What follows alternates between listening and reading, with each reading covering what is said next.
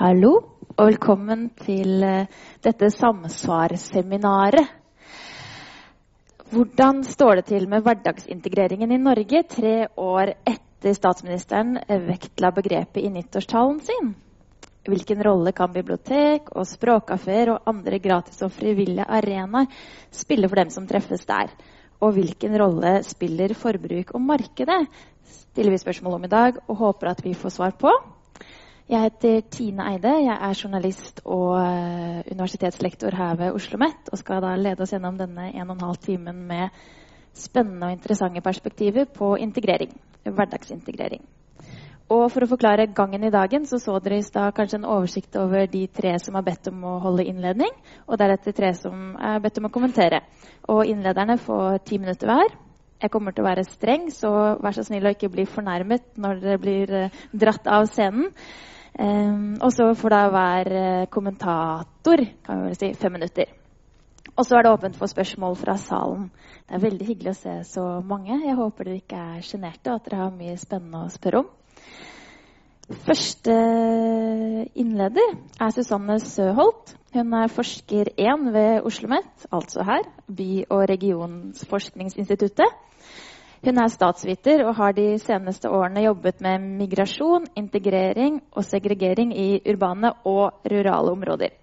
Hovedfokus har vært på integrasjon, segregering i boligmarkedet, men også i lokalsamfunn, nabolag og i arbeidsmarkedet og på forhold mellom minoriteter og majoriteten.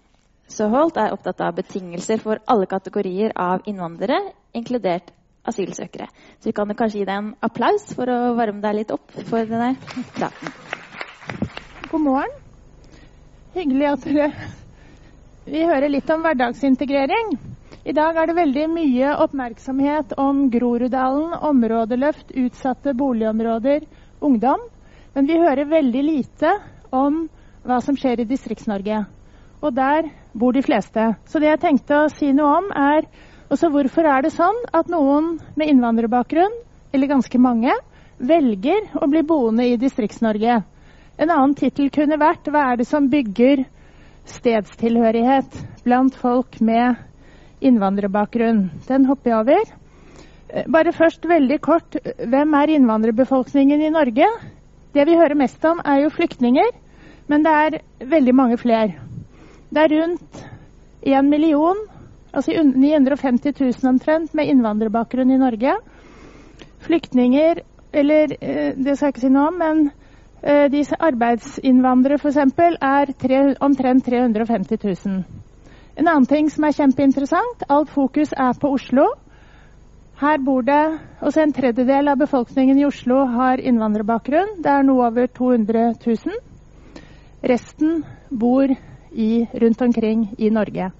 Og På denne her ser dere at det er mørkt rødt på Oslo, altså rundt en tredjedel. Det er omtrent like stor andel som bor i Båtsfjord i Finnmark. Og noen andre steder i landet. Og Det handler jo mye om arbeid, som ikke er tema i dag.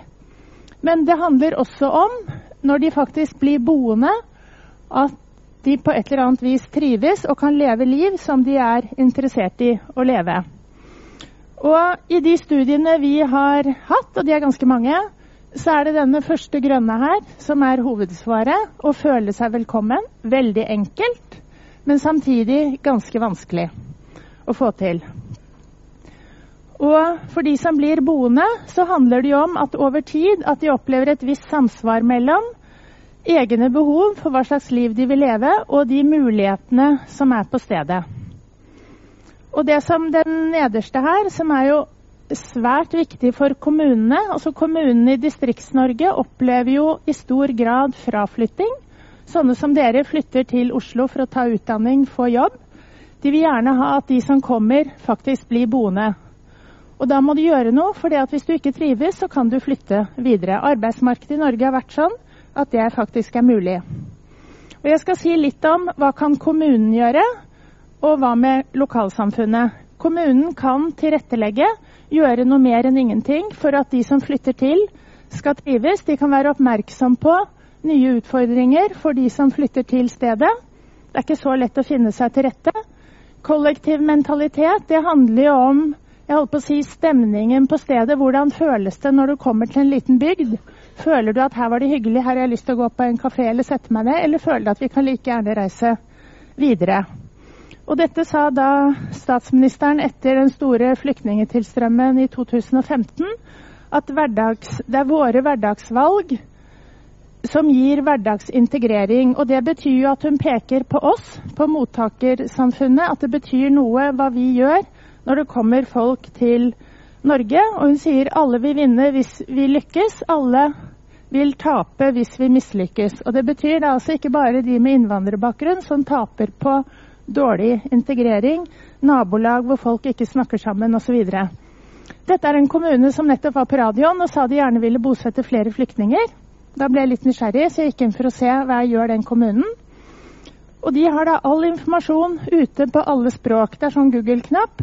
Her er om 17. mai. Jeg kunne også finne da om forvaltning av hjortebestanden på alle språk. sånn det var altså, veldig tilgjengelig. Det er Google-oversettelse, det er ikke perfekt, men du får informasjon. Dette er Haram kommune på Vestlandet, hvor vi har vært mye. Og I 2015 så samlet de da innvandrere som har bodd en stund i kommunen, og spurte hva er deres gode råd til nye som kommer hit. Hva, de, hva kan de gjøre selv for at det blir trivelig å bo her? Og da ser dere det er mange gode tips. Det handler mye om å lære norsk, få seg jobb, delta i frivillig arbeid, la ungene delta i aktiviteter, snakke med naboen osv. osv. Og, være, prøve å være åpen. Så dette er hva man kan gjøre selv, og så sier de ikke noe her om hva mottakersamfunnet kan gjøre. Litt om kollektiv mentalitet på stedet.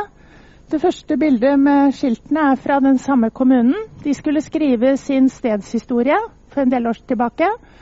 Og da så de jo bakover, men så sa de vi er også interessert i hvem er vi nå, for det peker fremover. Det sier noe om hva kan denne kommunen bli i fremtiden. Så da fikk de folk til å gå ut med plakater med alle landbakgrunnene som bodde i kommunen, og som er jo vel, en veldig fremsnakking av at dette er noe vi setter pris på.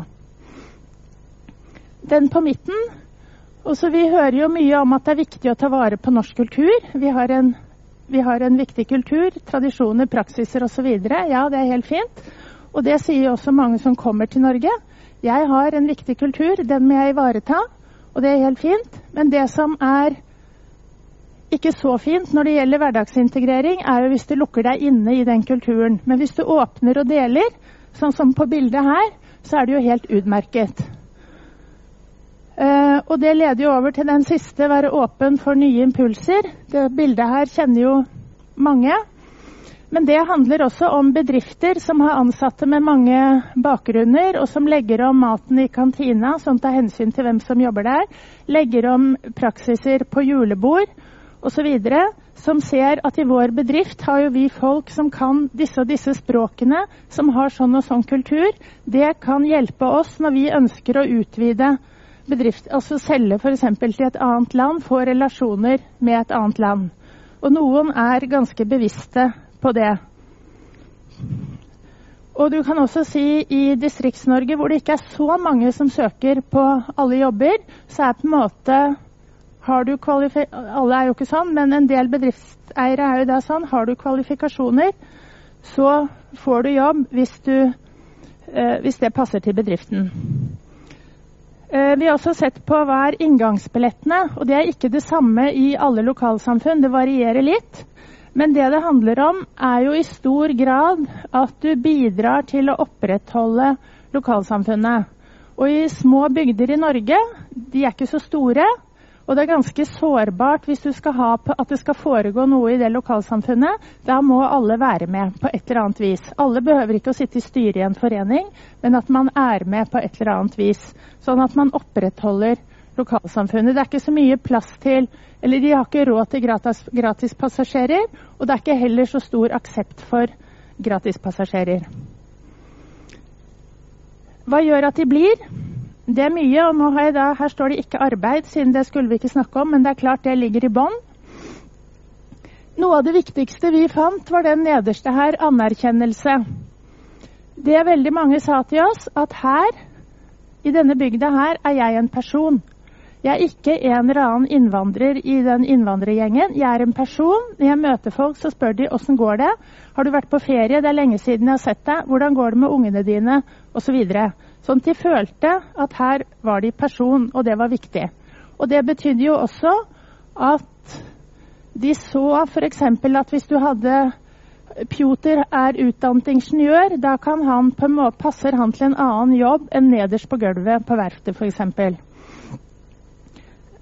Men det er ikke perfekt, men det er på en måte Det var noe av det de verdsatte mest. Og så var det som nordmenn som liker å bo på landet. altså De liker små samfunn. Det er trygt, det er oversiktlig osv. Og, så og disse her styrker hverandre.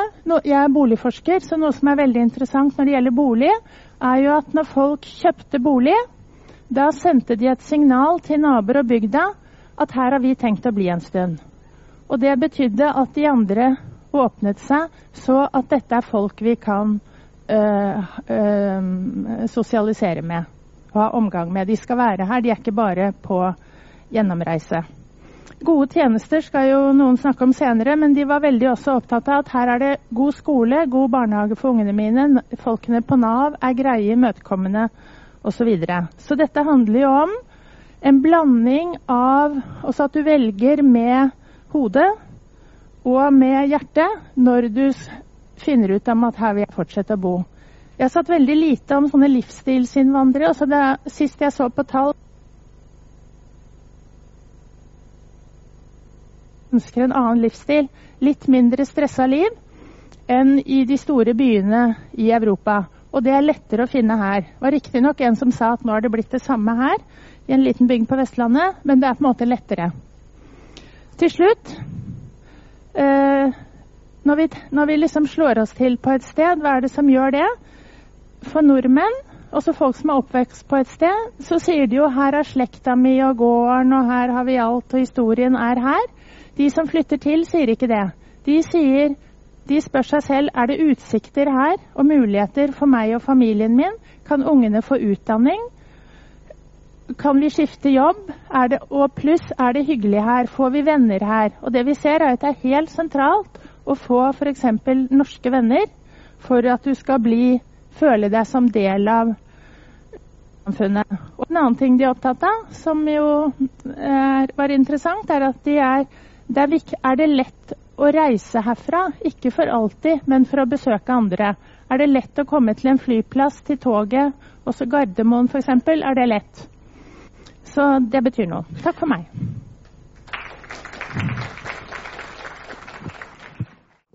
Neste person ut er Jamie Johnston.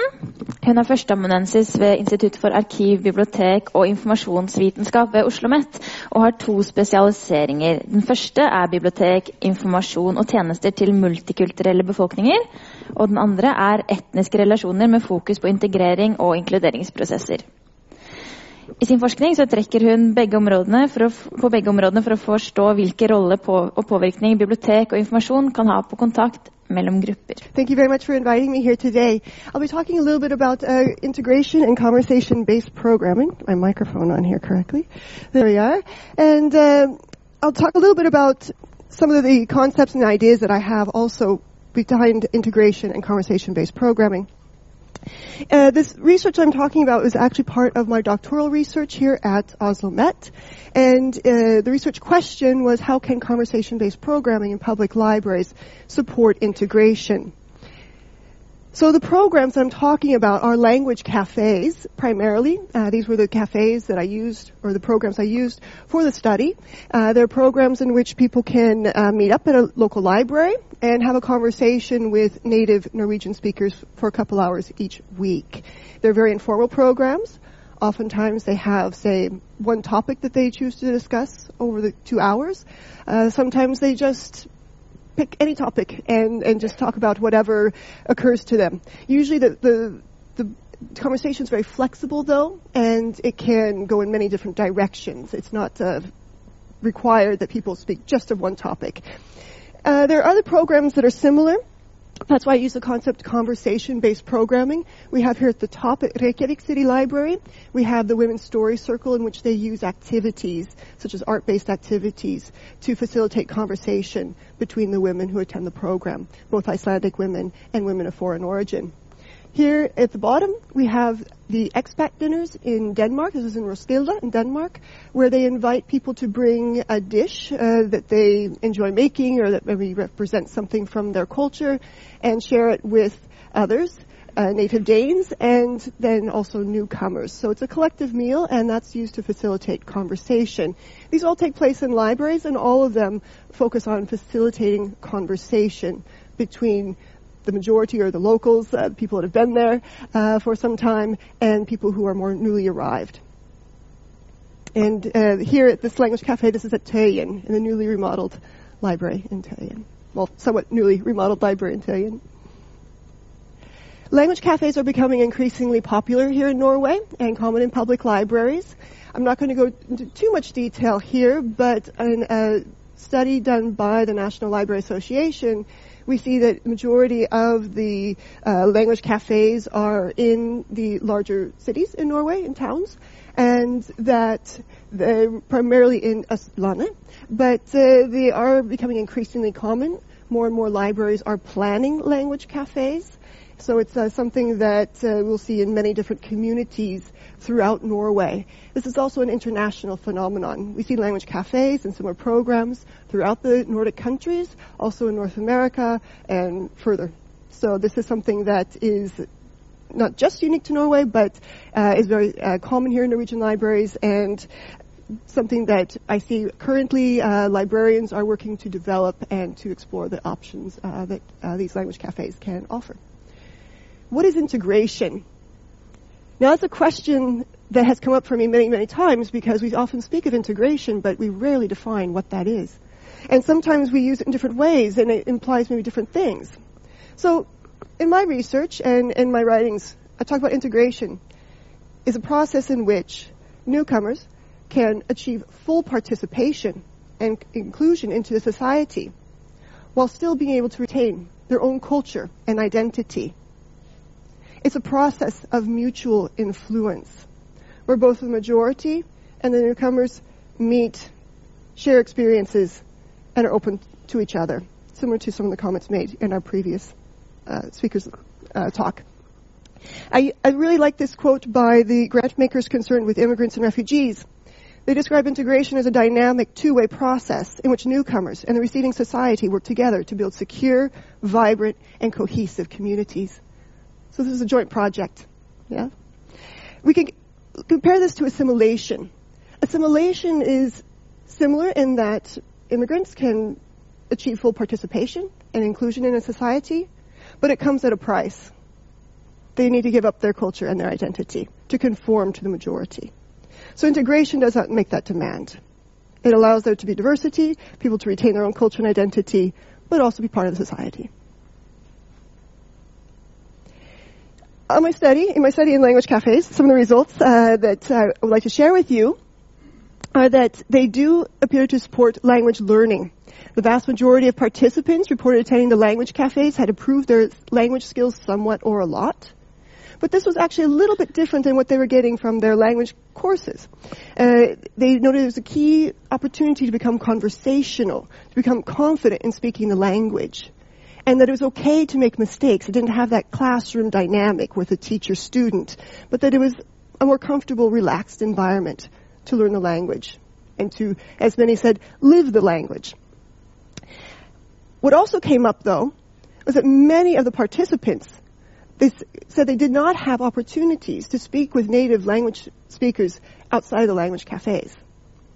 So this was a unique opportunity for many to come in contact with in many cases, ethnic Norwegians, ethnic Swedes.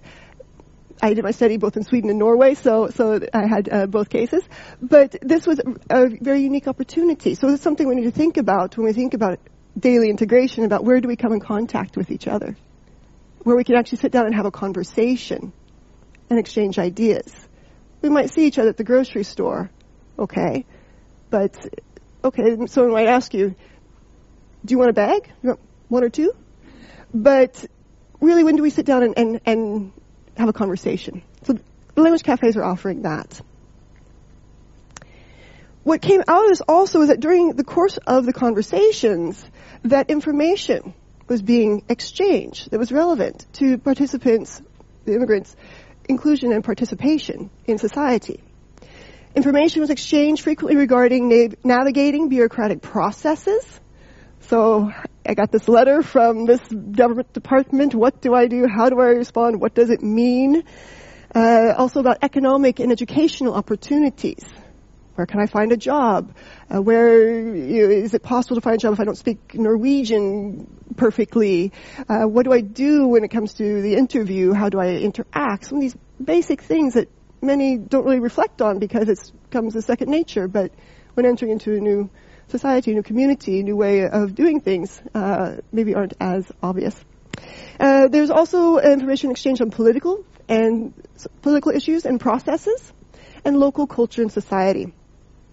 One quote that I'd like to share with you in particular is that volunteers are prepared and help us get a lot of new information that is not found in books. This was by a participant at one of the language cafes. So this is something also that we might want to think about. What kind of information are we not able to get elsewhere? Sometimes we need information from another person who's familiar with the society and can give us more of those insights, those local tips. And then the second quote I won't read here, but uh, is about how language is, uh, sorry, how about information is exchanged regarding work and where to find work. These cafes also show a lot of what we call friendship potential. And this is a key thing for integration to proceed. It's not just that we meet and learn the language and that we maybe exchange a little information, but that we build up relationships. Of those attending the language cafe, uh, they said that it had been a positive uh, social experience. Uh, was it 95 to 100 percent of volunteers and participants felt that it was very positive to attend the language cafe. And they also reported, uh, the vast majority reported, that they felt a greater sense of belonging to each other. I asked the Norwegians, do you feel a greater sense of belonging to the multicultural Norwegian community? And I asked the participants, the immigrants, do you feel a greater sense of belonging to the Norwegian community? And they both did. So that is something that's very important, is a sense of belonging. Do I belong here? Do I feel that we are a group? And it's that collective identity that builds up. Here are some articles that uh, were based on the research, and I want to say thank you very much.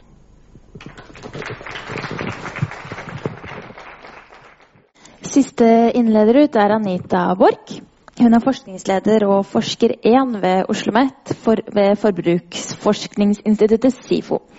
Og utdannet sosiolog fra Universitetet i Oslo og har en doktorgrad fra Universitetet i Helsinki.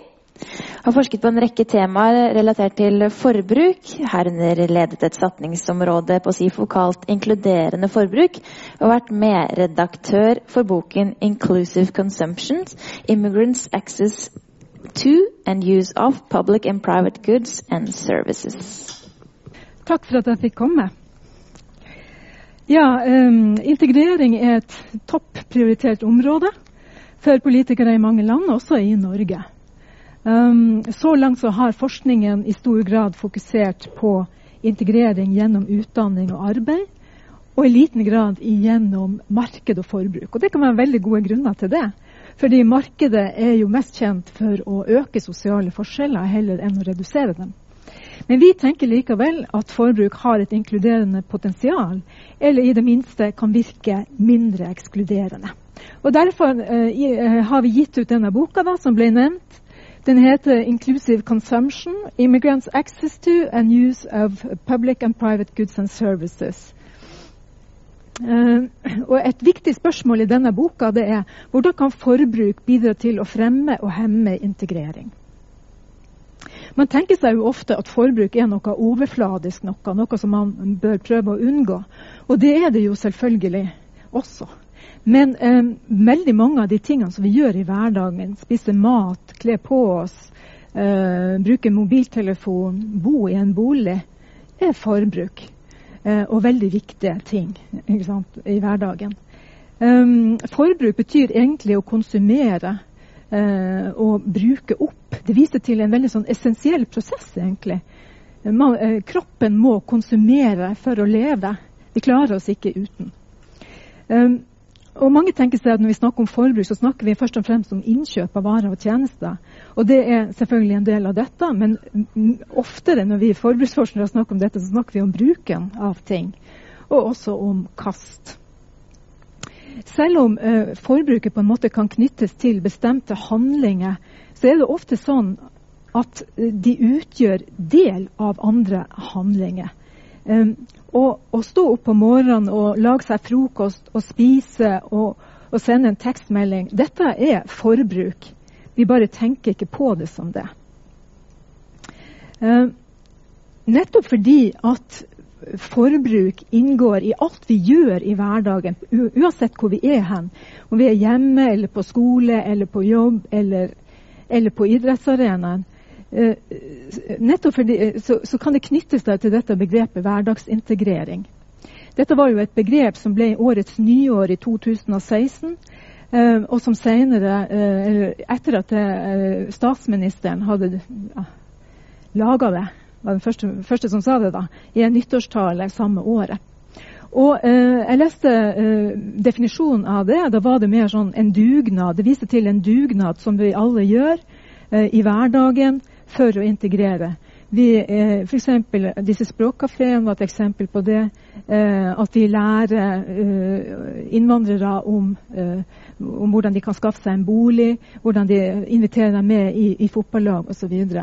Men forbruk eh, dette er en intensjonell altså At man, har, man gjør noe i, i, den hensikt å integrere. Mens forbruk ofte vil være noe som vi gjør uh, det, det, påvirker, det, påvirker, integreringen uten at, eh, positivt eller negativt uten at vi har tenkt at det skal gjøre det. Det, det er ikke intensjonalt på et vis, mye av forbruket.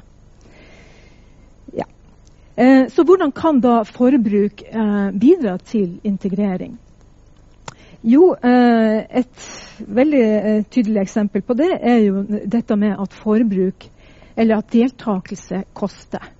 Vi har, um, uh, vi har, alle hørt om innvandrerjenter som ikke får være med på fotballklubber fordi de, det, koster for mye for kontingenten, eller fordi at, uh, det koster for mye med utstyret. Um, selv det å besøke en venn koster penger hvis du må ta bussen for å treffe denne vennen, eller hvis, eller hvis uh, du skal treffes på kafé.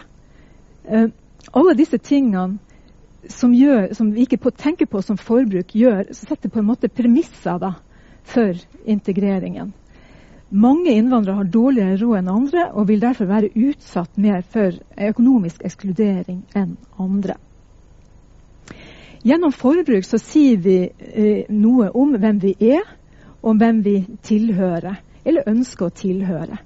Hijab er eh, et, ofte, et eksempel som oftest brukes. da, men uh, hijab er et eksempel på et plagg som, uh, som markerer tilhørighet til noen grupper, og, og kan uh, markere avstand til andre. Noen blir provosert av hijab, andre blir provosert av dem som lar seg provosere av hijab. Og Sånn sett så kan forbruk bidra til å skape polarisering i samfunnsdebatten. Eh, forbruk kan også eh, vise sosial status. Vi har noen av oss har besteforeldre som bodde, eh, vokste opp på landsbygda. og der var det sånn at alle mer eller mindre kjente hverandre. og klasseposisjon, hvis vi kan snakke om det, ble bestemt ut fra hvilken familie du tilhører. Men i dag vokser flere opp i byer. Eh, vi kan på en måte uttrykke hvem vi er og vår klassetilhørighet gjennom forbruk. Gjennom fine klokker, klær osv. Så, eh, så spørsmålet her er jo er det slik. Og hvis det er slik, kan innvandrere også eh, nytte seg av denne muligheten. Den kan også knyttes til denne uh, ungdomskriminaliteten som vi nå ser, med disse uh, unge, man, uh, unge guttegjengene av minoritetsgutter. da, som raner andre barn, eh, kan vi forstå dette innenfor et sånt rammeverk. Eh, forbruk regulerer sosiale bånd. Dette er veldig tydelig i gavegiving. eh, hvor en feilslått gave kan så tvil i relasjoner. Eh, tenk deg, du er ny i Norge, du skal sende barnet ditt på sin første barnebursdag. Hva skal gaven koste? Hva skal den inneholde? Dette er spørsmål som kan være vanskelig nok for dem av oss som er født og oppvokst i Norge. Kunnskap er nøkkelen til integrering. Hvor får man tak i de beste produktene til den billigste prisen? Lønner det seg å leie eller eie en bolig? Hva slags klær og mat passer i ulike sammenhenger? Gjennom kunnskap så kan eh, innvandrere skaffe seg produkter som de kanskje ellers ikke har råd til. Manglende kunnskap kan gjøre en vanskelig situasjon verre. Markedet flommer over av varer og tjenester. Kan, en, kan innvandrere uh, skille mellom gode og dårlige tilbud dersom de kommer fra et annet land med andre typer markedsføring? I Norge er forbrukeropplæringen av barn dels opp til foreldre og dels opp til skolene. Og Her lærer vi ungene at de skal, må, gjøre, må stå, være ansvarlige for sine valg. Mange minoritetsgrupper kommer fra økonomiske systemer som er annerledes enn våre. Kan vi pålegge dem et sånt individuelt ansvar uten samtidig å tilby tilstrekkelig forbrukeropplæring? Hvilket ansvar har myndighetene for å legge til rette for at integreringen i forbrukersamfunnet går bra? På den annen side så har vi selvfølgelig mye å lære av minoriteter. Eh, de, de av oss som er født og oppvokst her i Norge. F.eks. om hvordan man kan leve på lavbudsjett eh, gjennom bytteordninger, gjennom store og familie- og slektskapsnettverk. Dette er viktige innsikter også med tanke på miljø og psykisk helse. Sist, men ikke minst. Mange velferdstjenester preges i dag av markedstenkning i den forstand at de konkurranseutsettes og baserer seg på brukerens frie valg. Brukeren blir forbruker. Sånn omfatter forbrukerbegrepet også arenaer som vi vanligvis assosierer med integrering. Utdanning, eh, arbeid, helsetjenester. Relevansen av forbrukerbegrepet øker. Men hva er konsekvensen av å ukritisk overføre den type markedstenkning til områder som før var prega av andre prinsipper?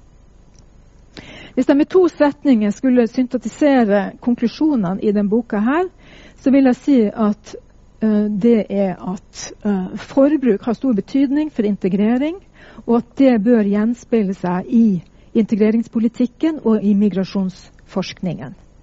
Det gjør den ikke i dag. Jeg har noen, For de som er interessert, så har jeg noen eksemplarer her. Jeg har også flere på kontoret, for å si det sånn. Hvis dere tar kontakt med meg etterpå, så, så, eh, så skal dere få et eksemplar. Ingen problem. Vi har mange. Tusen takk.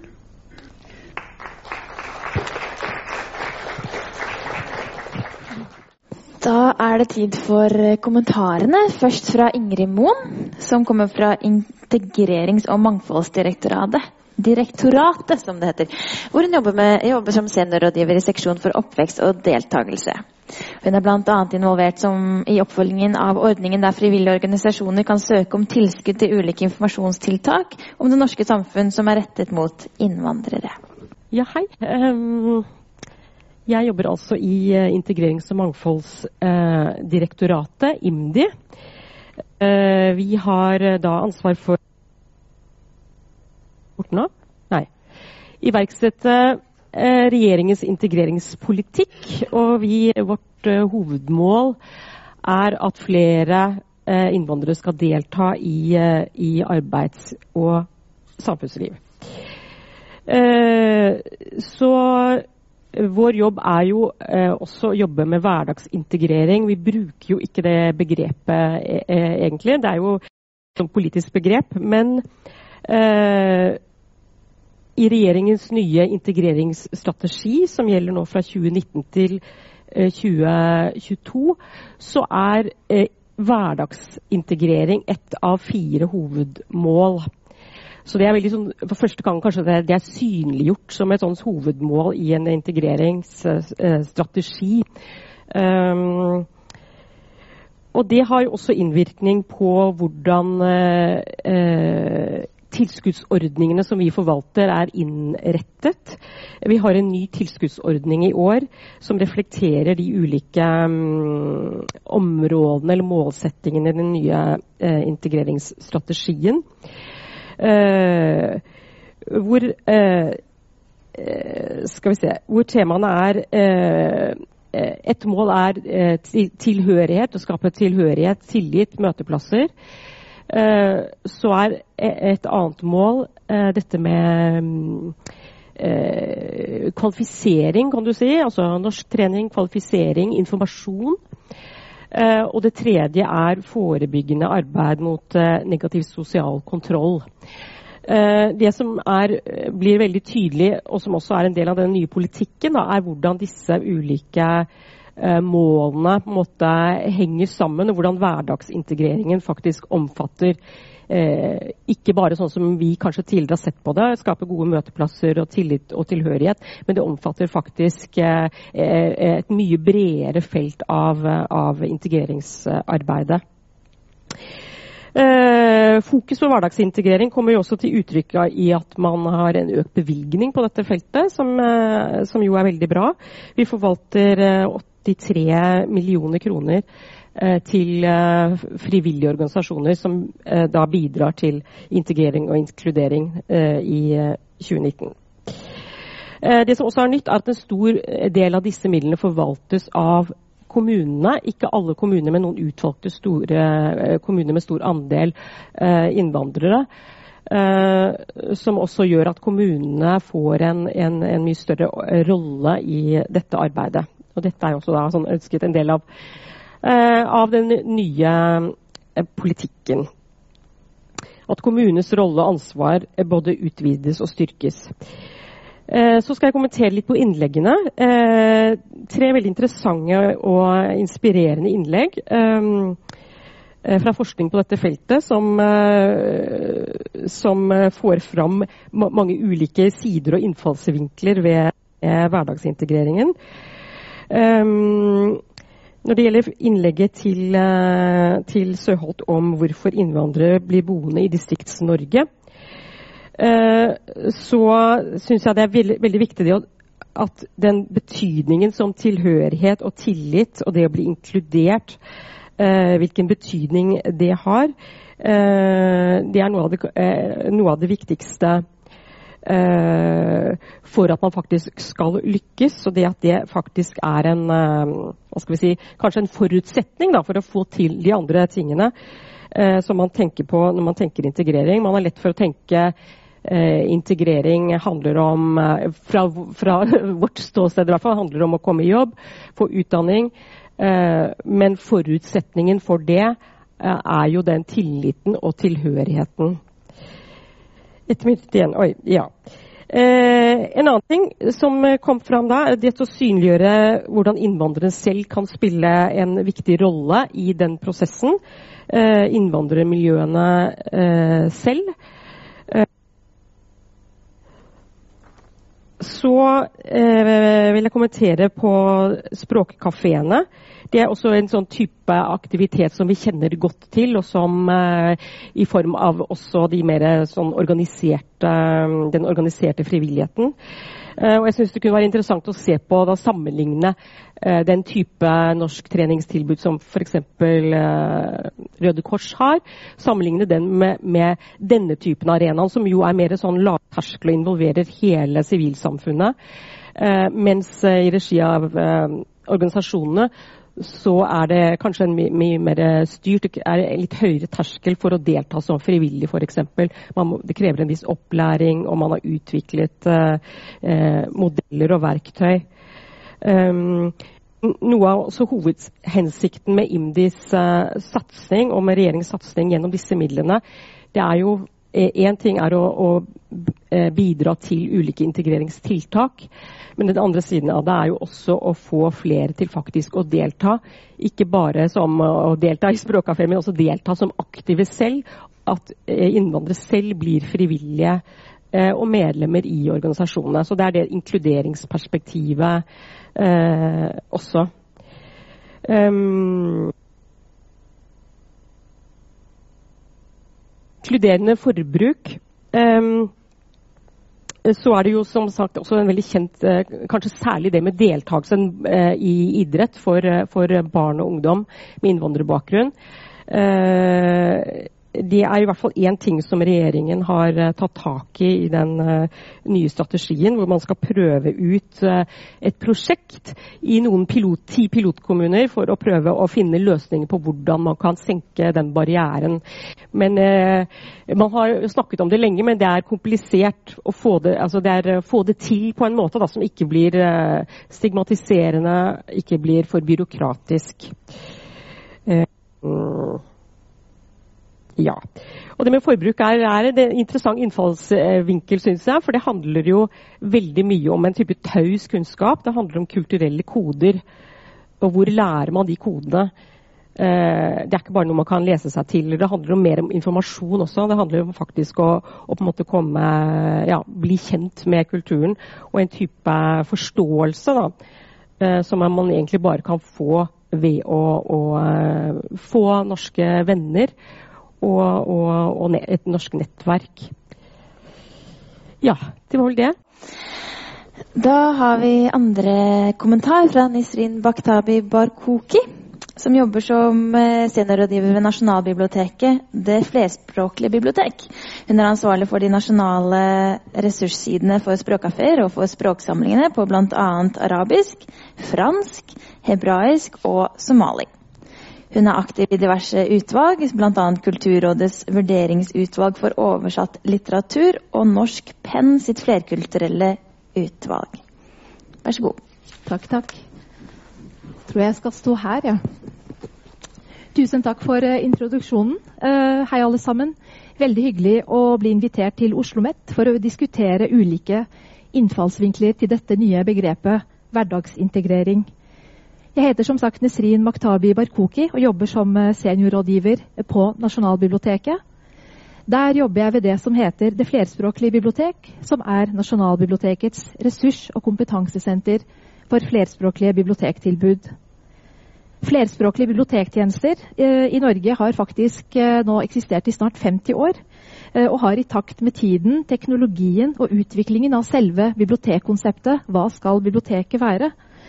Uh, har forandret seg fra å være en enkel innkjøpsordning for noen aviser på noen få språk, uh, til nå uh, å innebære et bredt spekter av tilbud. Da kan du klikke. Både innkjøp av bøker og film på over 70 språk, produksjon av tospråklige bøker med parallelltekst, eh, vandreutstillinger med flerspråklig litteratur i fokus. Og vi har til og med utviklet en, eh, en nordisk portal for strømming av e-bøker og lydbøker på bl.a. arabisk, somali og tigrinja. Dette gjør vi for å gi bibliotekene de redskapene de trenger for å være en kunnskaps- og kulturinstitusjon for bibliotekbrukere med innvandrerbakgrunn, og ikke minst være den integreringsarenaen som bibliotek er ment å være. Jamie Johnson har eh, for litt siden snakket om de ulike aspektene ved conversation-based programming, som tilsvarer det de fleste bibliotek de siste årene har tilbudt i Norge, nemlig språkkafeer. Nylig lanserte vi et samarbeid med organisasjonen Lesesøkerbok eh, og NBFs Flerkult, eh, hvor vi lanserte en nasjonal ressursside for språkkafeer, der vi samlet inn all erfaring, forskning, informasjonsmateriell og gode fortellinger eh, som finnes hittil, bl.a. fra Norge og våre skandinaviske eh, naboland. Som eh, Jamie Neal var eh, innom, så går konseptet språkkafé eh, ut på å lære språk gjennom å samtale i grupper. Uformelle samtaler. Man samtaler om et visst tema. Vi ser mange har utviklet dette konseptet med å heller bruke tekst. Man bruker litteratur. Noen har brukt workshop der man har en ordstyrer som behersker språket godt, altså det norske språket, som stimulerer deltakerne til å snakke og uttrykke seg rett og slett for å utvikle språket sitt. Jeg er selv femspråklig og har i løpet av mine 40 år aldri opplevd uh, å reise til et land eller komme til et sted uten å gjøre meg forstått uh, eller forstå hva som blir sagt. Men jeg har gjennom mannen min, uh, som kom til Norge som høyt utdannet voksen mann, som kun snakket arabisk og fransk, fått føle og se på nært hold hva det betyr eh, å ikke kunne gjøre seg forstått. Det å måtte lære seg nye språk, nye koder og referanser. For det handler ikke bare om å forstå hva som blir sagt, hva folk sier, men å forstå hva folk tenker med det de sier. Og det, er, det man lærer i, på et norskkurs, det gir deg et bruksspråk som gjør at du kan fungere i hverdagen, du kan lese nyheter, få en jobb, forhåpentligvis ha en fornuftig samtale med naboer og kollegaer. Men det som vi har sett at språkkafeer bidrar, bidrar, til, er mye av det som har blitt nevnt også i de andre innleggene her i dag. Dette med følelse av eh, tilhørighet. Man bygger relasjoner. Man får en anerkjennelse i blikket til den samtalepartneren man har. Eh, styrke språkkompetansen. Man erfarer kunnskap eh, og erfaringer med andre som har vært i lignende eh, situasjoner. Man kan snakke om samfunnsmessige, til og med politiske forhold. Altså, alt dette det gjør jo at du igjen får oppleve å være en spennende samtalepartner.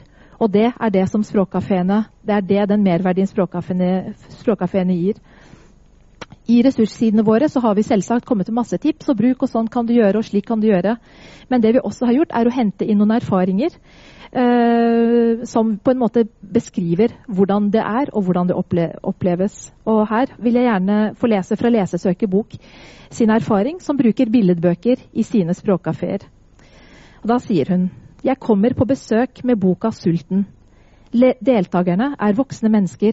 Jeg sier jeg har lyst til å lese boka, og etter at jeg har lest, kan vi snakke sammen om hva hvert dyr i fortellingen representerer.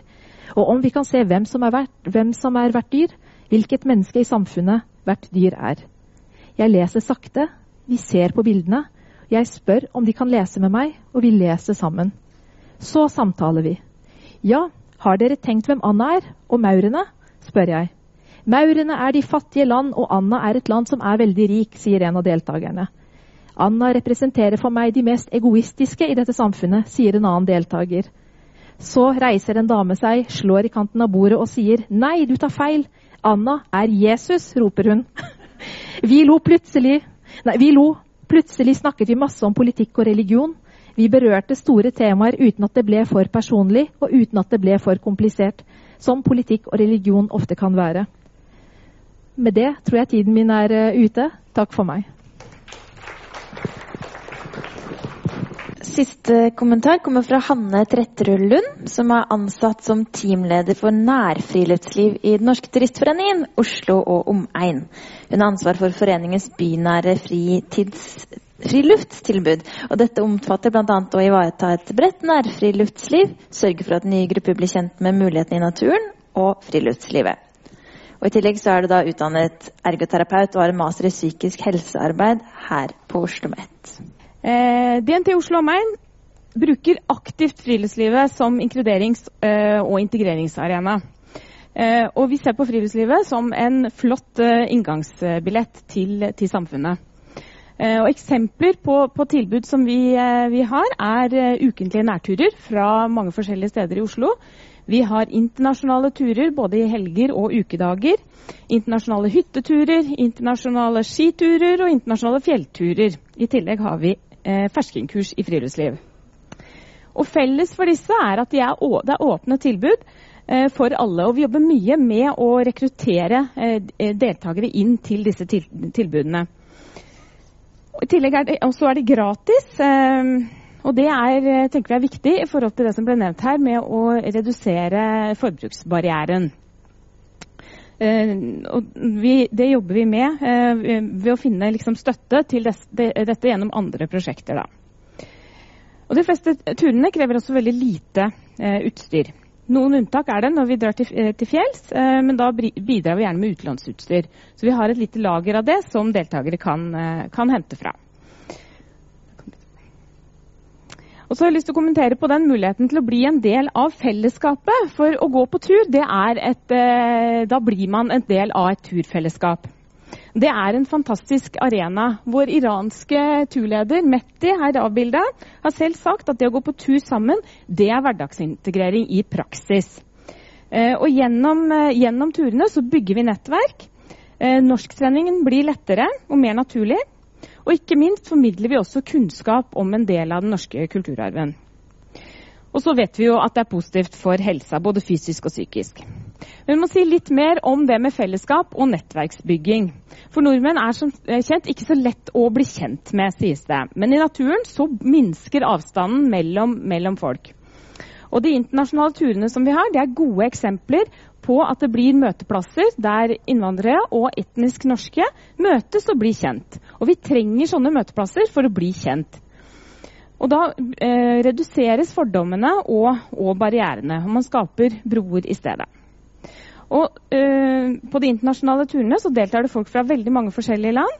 Og, og vi, har, vi, har ikke noe fokus på hvor folk, egentlig kommer fra. Vi er på tur sammen som mennesker og alle prater med hverandre uavhengig av landegrenser. Og her oppstår det mange gode vennskap. Eh, så vi tenker altså at Friluftslivet er en fantastisk arena for å møtes. Eh, og eh, friluftslivet er en nøytral møteplass. Her trenger vi ikke ta hensyn til, til religion, politikk, utdanning, språk eller etnisitet. Og vår erfaring er at jo rikere mangfoldet er, jo mer verdifullt blir det faktisk. Og så er det det med språk, eh, språkpraksis. Det har blitt snakket en del om, eh, om språkkafeer, og det er veldig fint. Vi ser at veldig mange innvandrere ønsker å praktisere norskspråket sitt. Og det får man når man går på tur sammen. Eh, og det, Da er det viktig at det er en god miks av, av, norske og, og, og, innvandrere. Og Man får mye å snakke om mens man går. Man kan snakke om det man opplever underveis. Og samtalen blir spontan, og den blir fri. Så vi tenker at det er et godt alternativ til, til språkkafeene. Så har vi det med kunnskapsformidling. Eh, neste.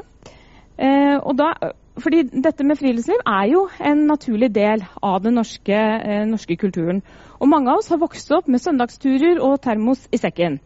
Men det er langt fra alle som har eh, fått tatt del i dette, og spesielt gjelder dette kanskje innvandrere. Eh, og mange har heller ikke vært på tur ut av byen. Så gå på tur sammen. Da blir man kjent i nærområdet, og man blir også tryggere i eget lokalmiljø. Og disse ferskenkursene de eh, har vi, vi vært med å utvikle. Det er et titimers kurs, et utendørskurs, der man lærer grunnleggende ferdigheter innen friluftsliv. Uh, bruk av kart og kompass, eh, pakking av sekk, bekledning, tenne bål osv. Og kurset er både for de som har gått litt på tur, og de som er helt nye i Norge. Og Vårt mål er at disse eh, kursene er med å bygge trygghet og selvtillit og inspirasjon, ikke minst, for å ta i bruk friluftslivet. Vi har, vi har, noen åpne kurs, og så har vi kurs som er direkte retta mot grupper. F.eks. voksenopplæringsgrupper. Da har vi fått eh, støtte fra IMDi til å gjennomføre disse kursene, sånn at det ikke er noen barriere med deltakelse i form av eh, kostnader. Eh, vi har også vi har årlig siden 2015 arrangert to til tre kurs for Helsfyr voksenopplæring. Eh, og denne kunnskapen som formidles gjennom ferskenkurset, gjør innvandrerne tryggere til å ta i bruk friluftslivet og den norske naturen. Så fra praksisfeltet, langs stien og rundt bålet, så erfarer vi at friluftslivet har et enormt potensial som en inkluderingsarena. Eh, og vi, vi, er jo subjektive når det gjelder dette her. Vi har jo veldig tro på det, men vi skulle gjerne hatt mer forskning på området. Så hvis det er noen som eh, ønsker å, å, ta den jobben, så stiller vi gjerne opp på det. Takk for meg.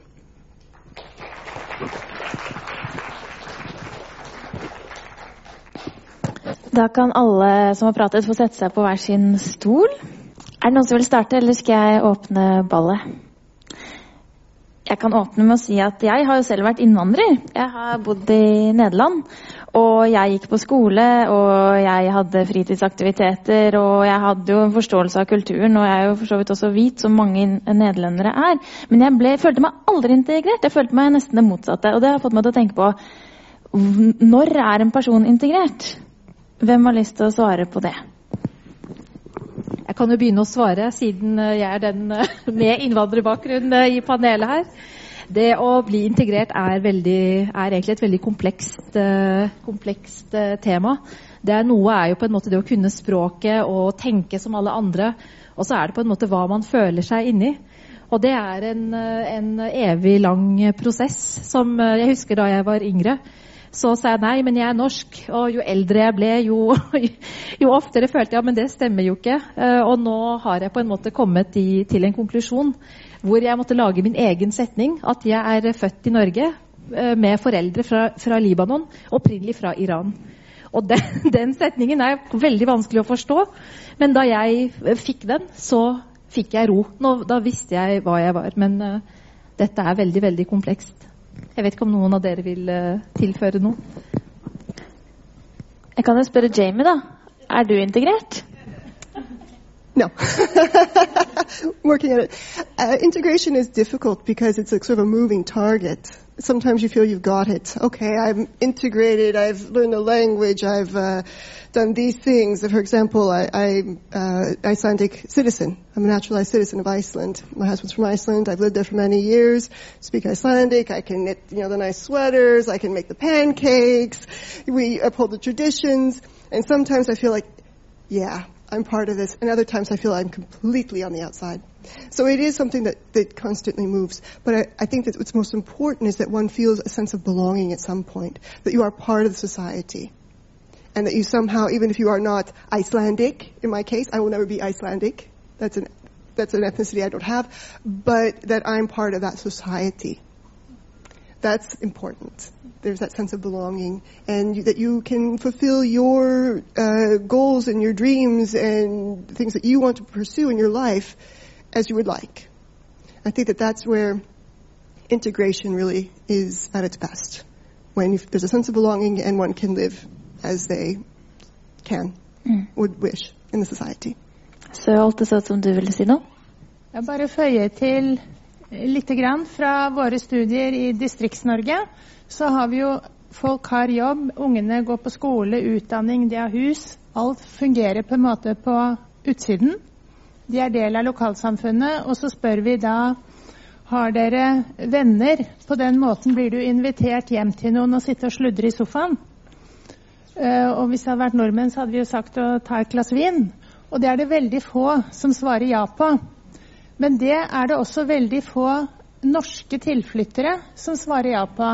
Så når vi har holdt presentasjoner ute i Norges land om dette, og da med fokus på folk med innvandrerbakgrunn, og så kommer det noen da Har dere sett på norske tilflyttere?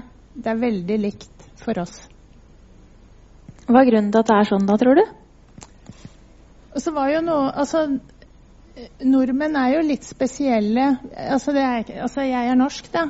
Men det sies jo at det er litt vanskelig å komme tett innpå nordmenn. Og så at vi er veldig hyggelige sånn. Og hvis du først får en norsk venn, da er du innafor. Men at den terskelen kan være ganske høy. Og hvis du ser sånn som i eh, et sted vi var, hvor det var altså Vi har intervjua både nordmenn og folk med annen bakgrunn. Og så spør vi da damer på min alder som har syklubber og sånne treffsteder. Inviterer dere med også Fatima? Nei. For det vil de andre synes er rart, hvis vi tar med noen andre enn de som alltid har vært med. Så det er på en måte mange sånne usynlige terskler, og det er ikke så mange som bryter dem. Mens du kan si på overflaten, sånn som i disse kommunene, så er de jo veldig opptatt av skal denne kommunen overleve som sted, så er vi nødt for å klare å få til det. For ellers så trives ikke folk på sikt. Du må på en måte få noen venner. Det hjelper i hvert fall. Ville du si noe på hjørnet? Ja. Eh, jeg, jeg, støtter veldig det. At det kan være det der, den barrieren med å bli invitert hjem, den, den, er høy, og den er kanskje vanskelig å trå innover. Men jeg tror de frivillige organisasjonene har en, veldig, har en nøkkelrolle der med å, å, å, være de arenaene. Om de ikke er hjemme hos folk, så skape en form for tilhørighet i lokalsamfunnet som oppleves eh, som personlig og, og, inkluderende, hvor man har behov for de ressursene som eh, innvandrerne kommer med. Og der, der, tror jeg veldig mange organisasjoner har mye å gå på da, med å legge til rette og være en sånn åpen, inkluderende organisasjon. Mm. Vi kan prøve med to hvis dere på den sida her holder på den. Ja. Nei da, vet du det går okay, bra. Ja, jeg, tenker, jeg, tenker, Som regel så er det veldig sjelden vond vilje som ligger bak det å ikke invitere hjem.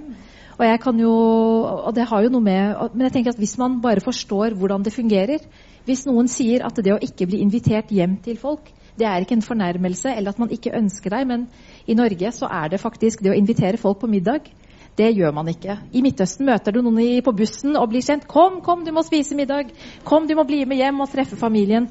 Det er sånn man på en måte, altså det er sånn man signaliserer at jeg på en måte Altså, du er inni min sirkel. Mens i Norge så er man er, er, Ja, og jeg tror neppe at det er vond vilje, men det er bare sånn der. Og klarer man å formidle det til nyankomne, at det er altså bare det at man sitter sammen, om det er på biblioteket eller på eh, ja, dette, eh, dette lokalet, og faktisk tar en kaffe, så symboliserer man akkurat det samme om man hadde disket opp en festmiddag. Så kommunikasjon er nok eh, noe av det. Jeg har bare lyst til å ta en liten kommentar her fra studier vi har hatt i drabantbyer i Oslo blant eh, norske beboere. Eh, eldre norske kvinner som deltar i treff med kvinner med innvandrerbakgrunn. Og som da har fortalt at ettersom befolkningen har endret seg, så er det jo på en måte ikke så mange som er igjen i blokka. De andre er fremmede. Men når jeg går på dette treffet og blir kjent med alminnelige damer som bor rundt her, så blir det noe helt annet. Jeg ser på de som bor i oppgangen min, på en helt annen måte.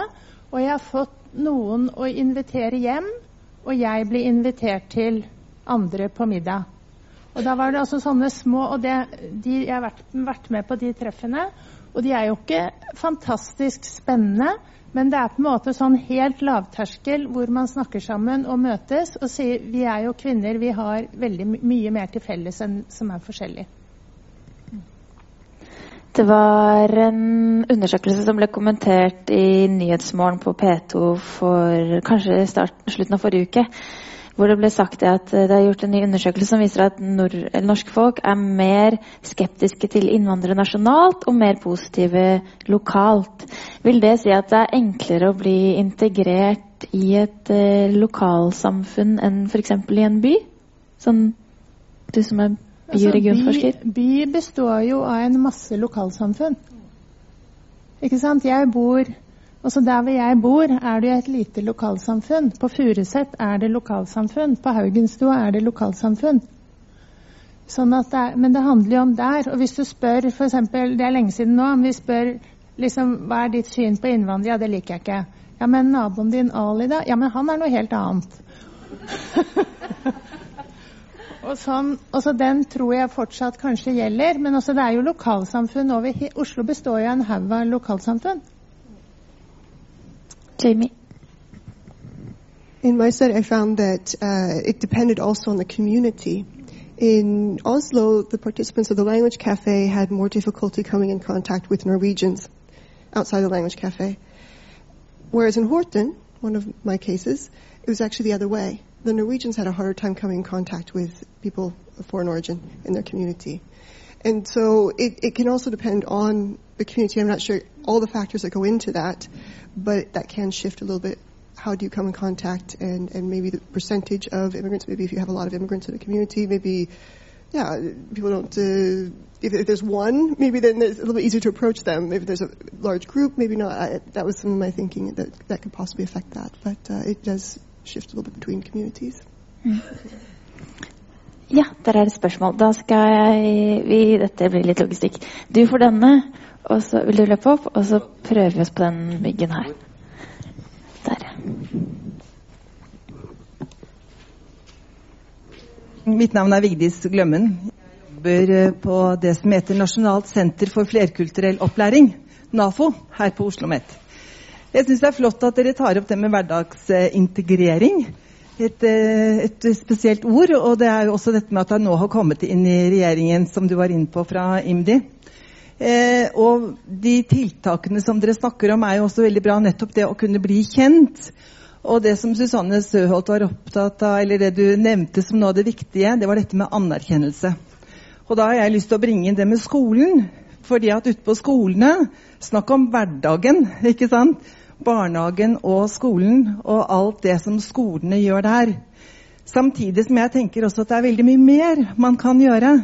Fordi anerkjennelse, opplevelse av tilhørighet, det å feire at eh, på vår skole snakker vi veldig mange språk.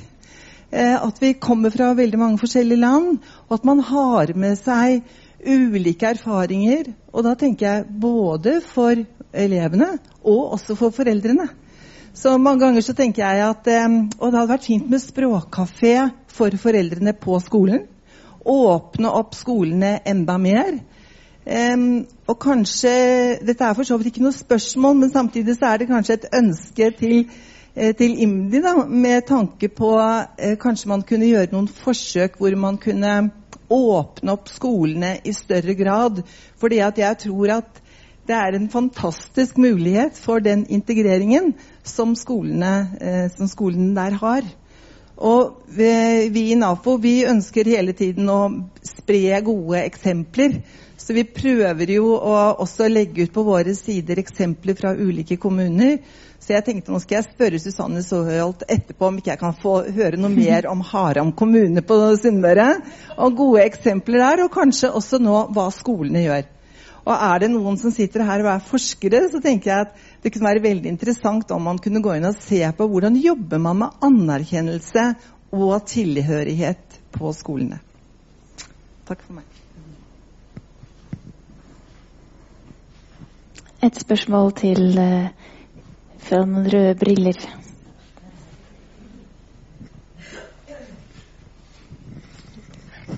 Eh, tusen hjertelig. Det var veldig interessante eh, innlegg. Eh, eh, og samtidig så sitter jeg Jeg jobber i en bydel eh, som er en del av Groruddalen, hvor det er mye snakk om integrering.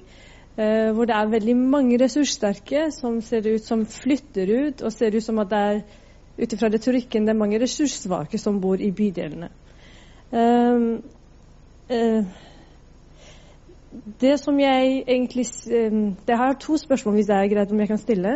Det ene gjelder jo at det finnes utrolig mange flotte tiltak. Men da er spørsmålet mitt hvor stor er brukerfokuset bruker i disse tiltakene? Er det undersøkt godt nok om det er interessant nok for deltakerne? Um, Ut ifra at jeg sitter i en, ulike grupper her i Oslo som jobber med flyktninger, uh, så høres det jo ut som at mange ikke møter opp til ulike diverse tiltak som etableres. Har man undersøkt hvorfor gjør de ikke det? Og etablerer vi bare ulike tiltak bare for å etablere dem, for det høres fint ut? For det er en ting hva vi tenker er bra, men er det, for, altså, er det basert på det som brukeren faktisk opplever er et behov? Um, det kunne jeg gjerne ønske om, om dere kunne si noe om i forhold til både språkkafeer, både med frivillighet, både i forhold til um, ja, det dere har snakket om. For, for jeg tror det er å, for, Fra mitt perspektiv så er dette her kjempeviktig. En kollega av meg som sitter her, jobber jo en del med dette. Og du har jo en del erfaringer, har gjort en del erfaringer rundt det. Og det, eh, om du har lyst til å si noe om Trenger, ja. men, det som er, men jeg ville gjerne hørt hva dere tenker nøyaktig om dette her, og dette med bruk, brukerfokuset. La oss starte med Turistforeninga, kanskje? Vil du si noe om brukerfokuset deres? Nå tror jeg den skal være på, hvis jeg snakker. Eh, ja, et godt, et godt, spørsmål. Vi har ikke jobba spesielt med eh, Hva Nå da? Nå lyser den ikke. Vi bruker bare den. Vi tar den. Da får du en liten løpetur. Eh, ja, vi, vi, har ikke undersøkt altså Dette er jo ikke noe forskningsbasert, det vi, vi holder på med. Eh, vi er jo en friluftsorganisasjon, så for oss er det naturlig å drive med, med, med turgrupper og informasjon om friluftslivet. Eh, og vi tenker at det er en viktig del eh, av det norske samfunnet. Eh, når det er sagt, så, så, ser vi at barrieren for å delta, det handler jo nettopp om at det å gå på tur er eh, for noen særnorsk, og at det er vanskelig å komme i gang. Og det er Derfor vi bruker vi veldig mye mye eh, tid på å oppsøke eh, grupper som kan eh, ha glede av å være med. Og, det ser vi at da, da, når vi også veldig mange når vi, når vi oppsøker enkelt, enkeltpersoner og inviterer de, eller som grupper. Og Det er nok veien å gå. Og vi har jo veldig tro på at dette er en riktig satsing. Men det er ikke sånn, vi tror ikke at innvandrere til Norge sitter med et behov i seg sjøl for å gå på tur. Det tror vi ikke.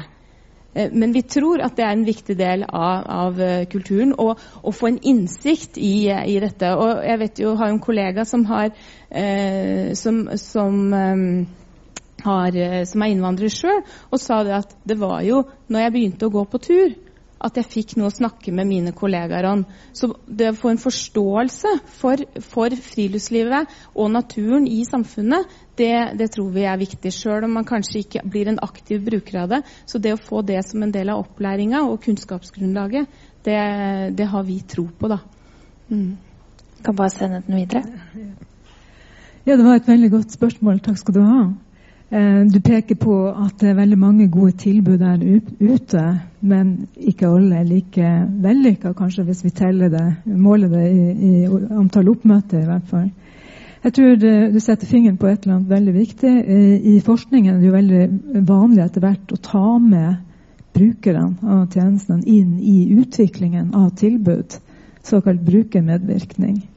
Og det, jeg tenker at det er jo et naturlig en naturlig ting å gjøre også her. Særlig fordi det er vanskelig for oss nordmenn i hvert fall enkelte ganger å sette seg inn i hva er egentlig behovet. Så å trekke dem inn her virker for meg selvinnlysende. Ja. Noen som vil si noe om språkkafeer, f.eks.? I hvilken grad at, vet at det passer? The, well, the language cafes generally have been very well attended. Attendance is usually not a problem, and that's a lovely thing to have in libraries. Uh, I, have been very surprised to hear from many librarians that they start a language cafe and 40 people show up like that. Uh, so that is a benefit, but that doesn't necessarily mean that it's um, right for everyone or it meets everyone's needs. And so there has been a lot of discussion about how to develop them, and, and we were you mentioned this with literature. Uh, also, taking users' needs into account often because um, we see that after a couple of years, people maybe attending the language cafe have achieved a certain level of language proficiency, but the conversations become a little bit repetitive. So that's where the literature comes in, so we can take those conversations further. And this seems to be well received. I don't know of any formal studies, but from my understanding, this has been very well received in the language cafes where literature has been used to take that conversation further and to sort of deeper, more reflective topics. Uh, which for the, the, both groups, both the, the volunteers and the the participants, immigrants, can uh, reflect on and develop their thinking on and grow from together. Bare for å fortsette på det, og egentlig for å svare på det du sa og, det, og dine spørsmål, så er det, altså, er det, noe som innvandrere egentlig aldri får høre i, mens de er her, er at det er så flott at akkurat du er her. Så fint at du og din kompetanse og din, ditt syn på livet og din livserfaring Så fint at du er her. Så jeg tror at det for, altså for, veldig mange, selv om man er klar over at jo, i bydelen så fins det masse tilbud, men så tenker man som er det for meg? Hvordan blir det? Jeg kjenner ingen. Uh, så jeg bor, i, jeg bor, på Bjørndal, som er en bydel med veldig høy andel av in, person, beboere av innvandrerbakgrunn. Og der uh, har skolen ofte klødd seg i hodet på at hva er det vi kan gjøre for å få foreldrene til å komme man har problemer med altså ikke problemer, utfordringer med f.eks. bursdager som ble trukket frem. Hvorfor blir ikke barn sendt på bursdager? Hvorfor ringer ikke foreldrene? Hva, hva er greia? Så det skolen bestemte seg for, er å faktisk åpne sin aula, eller sånn, sånn, en stor sal, og si vet dere hva, dere kan låne den, ha felles bursdager. Så kan man ha øh, altså, erf altså erfaringsutveksling. Foreldre som ikke er helt trygge på den der bursdagssituasjonen. Hva, hva, skal man ha? Skal man lage biryani? Eller skal man bare holde det til pølser og helt enkel servering og kaker? Det, de åpnet opp for det, men fortsatt så var det litt sånn labert oppmøte. Men det man valgte å gjøre da, er å ringe hver enkelt forelder og si liksom på en måte så fint at ditt barn er på vår skole, og er du klar over dette og dette tilbudet? Og det, har, det, her har de gjort på flere, om det er sommerskole eller om det er eh, ja, alt. Altså hver gang de prøver å sende ut noe som gjelder lokal, altså, lokalbefolkningen, er å ringe og på en måte litt sånn Vi ser deg. Takk for at barnet ditt er hos oss. Takk for at du på en måte er en del av vårt lokalmiljø. Og vil du komme? Og det har faktisk hatt en effekt. at det er eh, På den sommerskolen så har jo flere foreldre meldt på barna. Flere foreldre benytter seg av de tilbudene. Og om ikke noe annet så har man på en måte fått den følelsen av å bli sett. Noen ringer deg, noen bruker tiden sin på deg. Og det er noe som på en måte jeg tror ikke man tenker over det selv, fordi man aldri har sett på seg selv som en trengende person. Men når du har vært en, en trengende person eh, en stund, så er det fort gjort at det blir din identitet. Du er den som alltid skal motta hjelp, aldri får til ting, alltid skal bli fortalt hva de skal gjøre. Så det er faktisk et viktig element å ha i tankene. At det er ikke bare at man ikke gidder å komme på foreldremøtene eller ikke stiller opp, men at man på en måte føler at man blir henvendt til som en, en, en eh, likeverdig person. Det var et spørsmål helt der oppe. Vil du løpe, eller skal jeg? Da tar vi det første her. Og så Det var ikke et spørsmål, nei.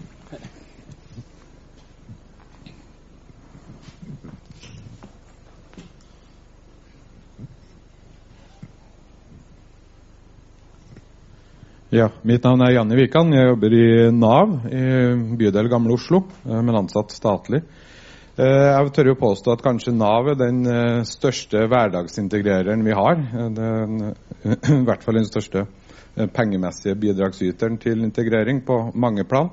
Helt fra sosialtjeneste og kommunale aktiviteter til ytelser og andre, andre typer aktivering. Så kan man si det er et paradoks da, at uh, regjeringa har kutta uh, budsjettene til Nav med 57 millioner inneværende år og snart en halv milliard nå siden uh, Solberg kom i office, for å si det sånn. Men bort fra politikk dette, Nav muliggjør jo forbruk og konsum, som vi var inne på her, og legger litt premissene for hvordan man kan forbruke. Ikke bare hvordan, altså hva slags type klær man skal ha i forskjellige anledninger, men om man i hele tatt har mulighet til å kjøpe de klærne, og om man har mulighet til å delta i aktiviteter. Og Som IMDi var inne på her, så har man da ti pilotkommuner som jobber med å få eh, tatt med flere da, på eh, aktiviteter eller fritidsaktiviteter. Og Det er jo interessant, fordi eh, du sa noe her om at det var eh, komplisert å få til. og det er litt så nysgjerrig på Hva er det som gjør at det er komplisert? For Vi har jo en god del eksempler på at man får det til. Eh, og så lurer jeg det politisk vilje, eller er det eh, altså, hva er det som gjør det vanskelig? jeg tenker da kanskje særlig på Oslo kommune, der man nå innfører AKS gratis for alle barn. som er på en måte, Da har du lagt terskelen så lavt at alle kan få det tilbudet utenom stigmatisering. Så jeg tenker det finnes jo løsninger for det. Og kanskje også sett opp mot alle de tiltakene som blir nevnt der, som faktisk funker. Eh, det å gå på tur, som er tilnærma gratis så lenge du har eh, tøy og turtøy eller noe lignende. Eh, bibliotekene og språkkafeene, som også er gratis. Sånn at jeg tenker Nøkkelen er jo her å senke betalingsterskelen veldig lavt, i hvert fall for å åpne for alle. Men ja, hva, hva er det som er komplisert med å få det til? Det er mitt spørsmål egentlig da.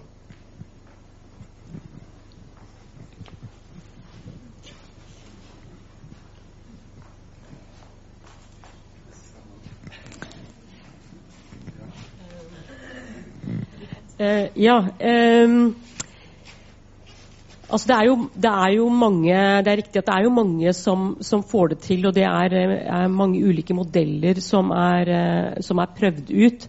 Så jeg tror nødvendigvis ikke det er vanskelig å få det til, men, uh, men det er noe med å finne gode, gode, løsninger for det som ikke er for, for byråkratiske. Eh, og at kommunene er villige til å, til å, legge penger på bordet og se at dette faktisk er, eh, er et, et, viktig tiltak, ikke minst. Men jeg vet eh, fra IMDis ståsted da, så vet vi at dette er noe Idrettsforbundet har vært veldig opptatt av og, og, og jobbet mye med i flere år. Og, og Redd Barna eh, har også jobbet mye med dette gjennom dette En god nabo-prosjektet sitt, hvor de også som jobbet aktivt opp mot kommuner for å få de eh, til å, å, finne gode løsninger på eh, senke, Sånn at man kan senke terskelen for at nyankomne eh, flyktningbarn i dette tilfellet da, kan delta i fritidsaktiviteter. Eh, så de også har utviklet eh, forskjellige lokale modeller, men det handler vel kanskje bare om å på en måte få, få dette her litt mer eh, ja, bedre utprøvd og, og, og rullet litt bredere, bredere, ut. For det er mange, mange, som har prøvd, og det er mange modeller her som kan fungere. Nå er vi på, snart på halv elleve-slaget. Hvis det er noen som har en liten kommentar til slutt, så kan de få smette inn den. To med små kommentarer! Ok. Vi får være rause. Dere får si noe begge to. Ja, god dag. Jeg heter Eivind Jacobsen og er eh, direktør for SIFO. Eh, takk for et bra innlegg her. Eh, bare én ting, og det går på integrering i motsetning til assimilering. Ja, integrering er jo en toveisprosess. Uh, og veldig ofte når vi snakker om her, sånn, så er, hører jeg liksom hvordan bli lik nordmenn. Uh, hvordan kan man gjøre det mulig å være nordmenn på flere måter? Hvordan kan man lage arenaer og tiltak som gjør det mulig å utvide uh, den spekteret å være norsk på? ja, det er et spørsmål til panelet. Jeg har ikke svaret. Eh,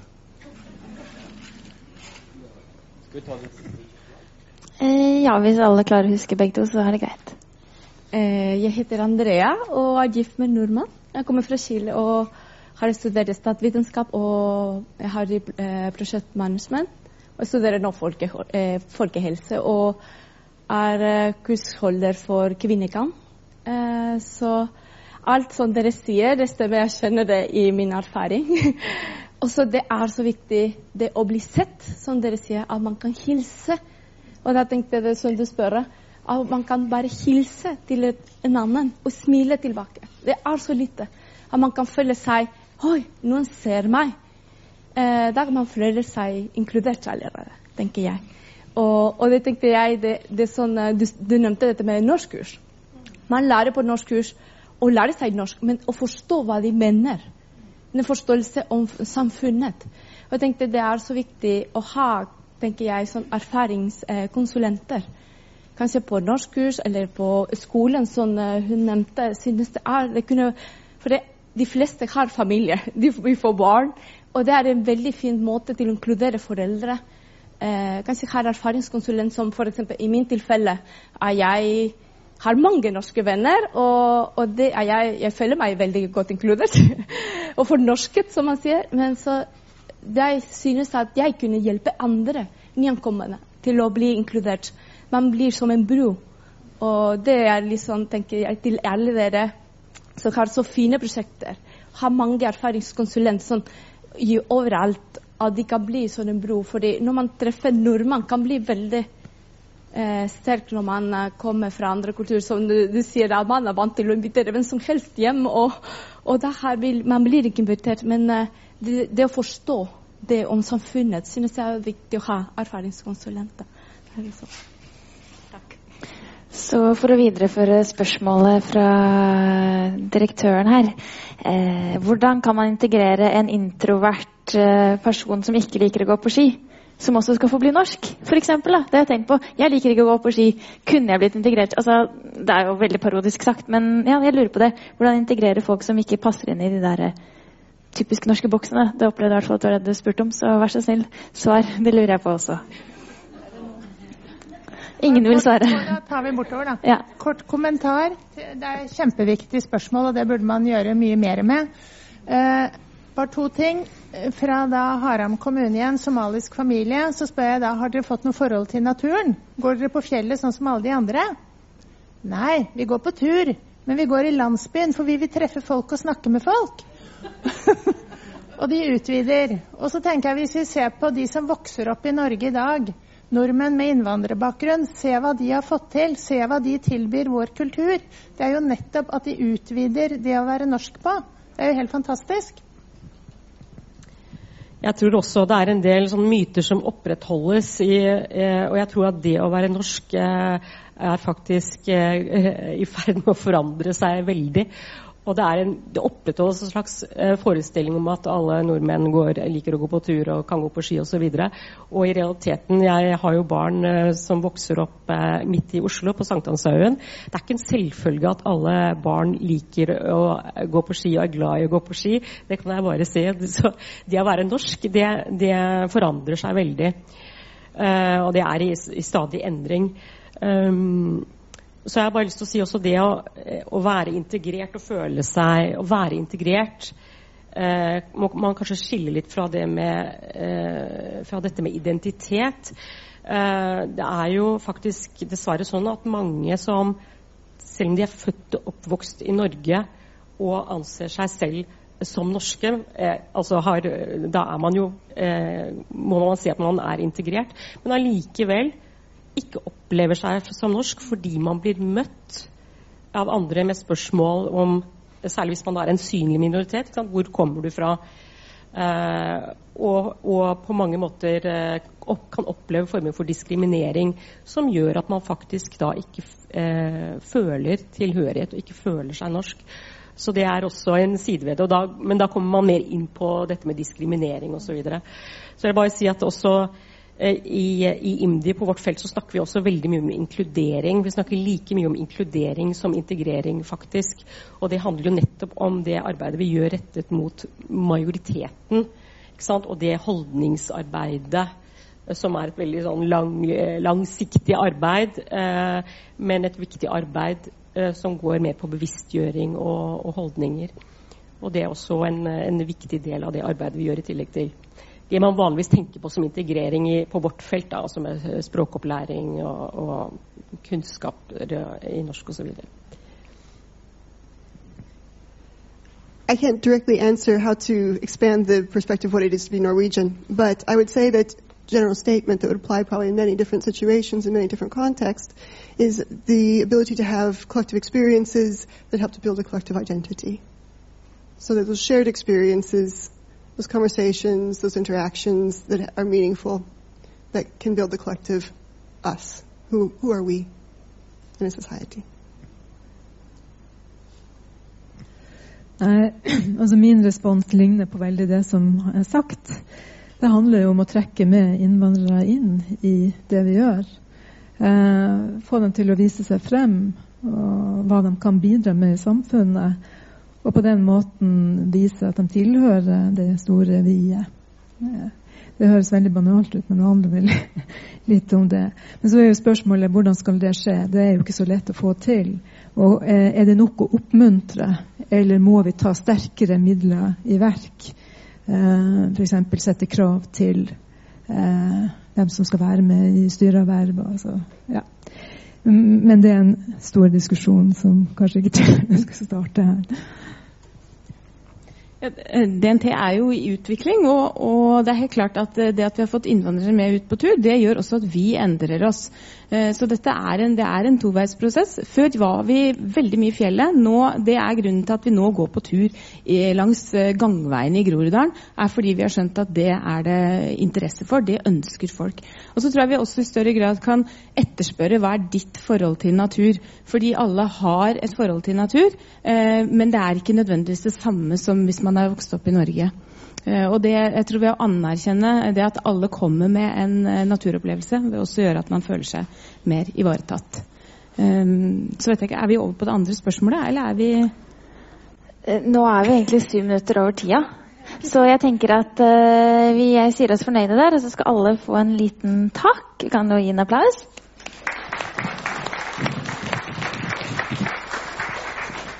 Vi har jo en gjeng med fotojournaliststudenter som reiser rundt i verden og lager fantastiske prosjekt. Så som en takk for at uh, alle ville stille, så skal dere få hver deres uh, bok, som er laget av dem. Kan bare Ja. Skal vi se Ja.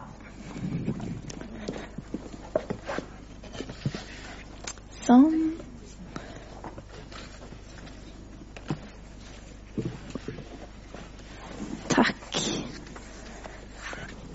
Bare hyggelig. Nå er det ikke én bok til alle som kom, men jeg er også like glad for at dere ville komme, så dere burde egentlig fått en uh, bok, dere òg. Uh, eh, men det var veldig fint at så mange hadde lyst til å høre, og så mange hadde lyst til å prate. Så takk for det, og god inkluderende og integrerende onsdag videre.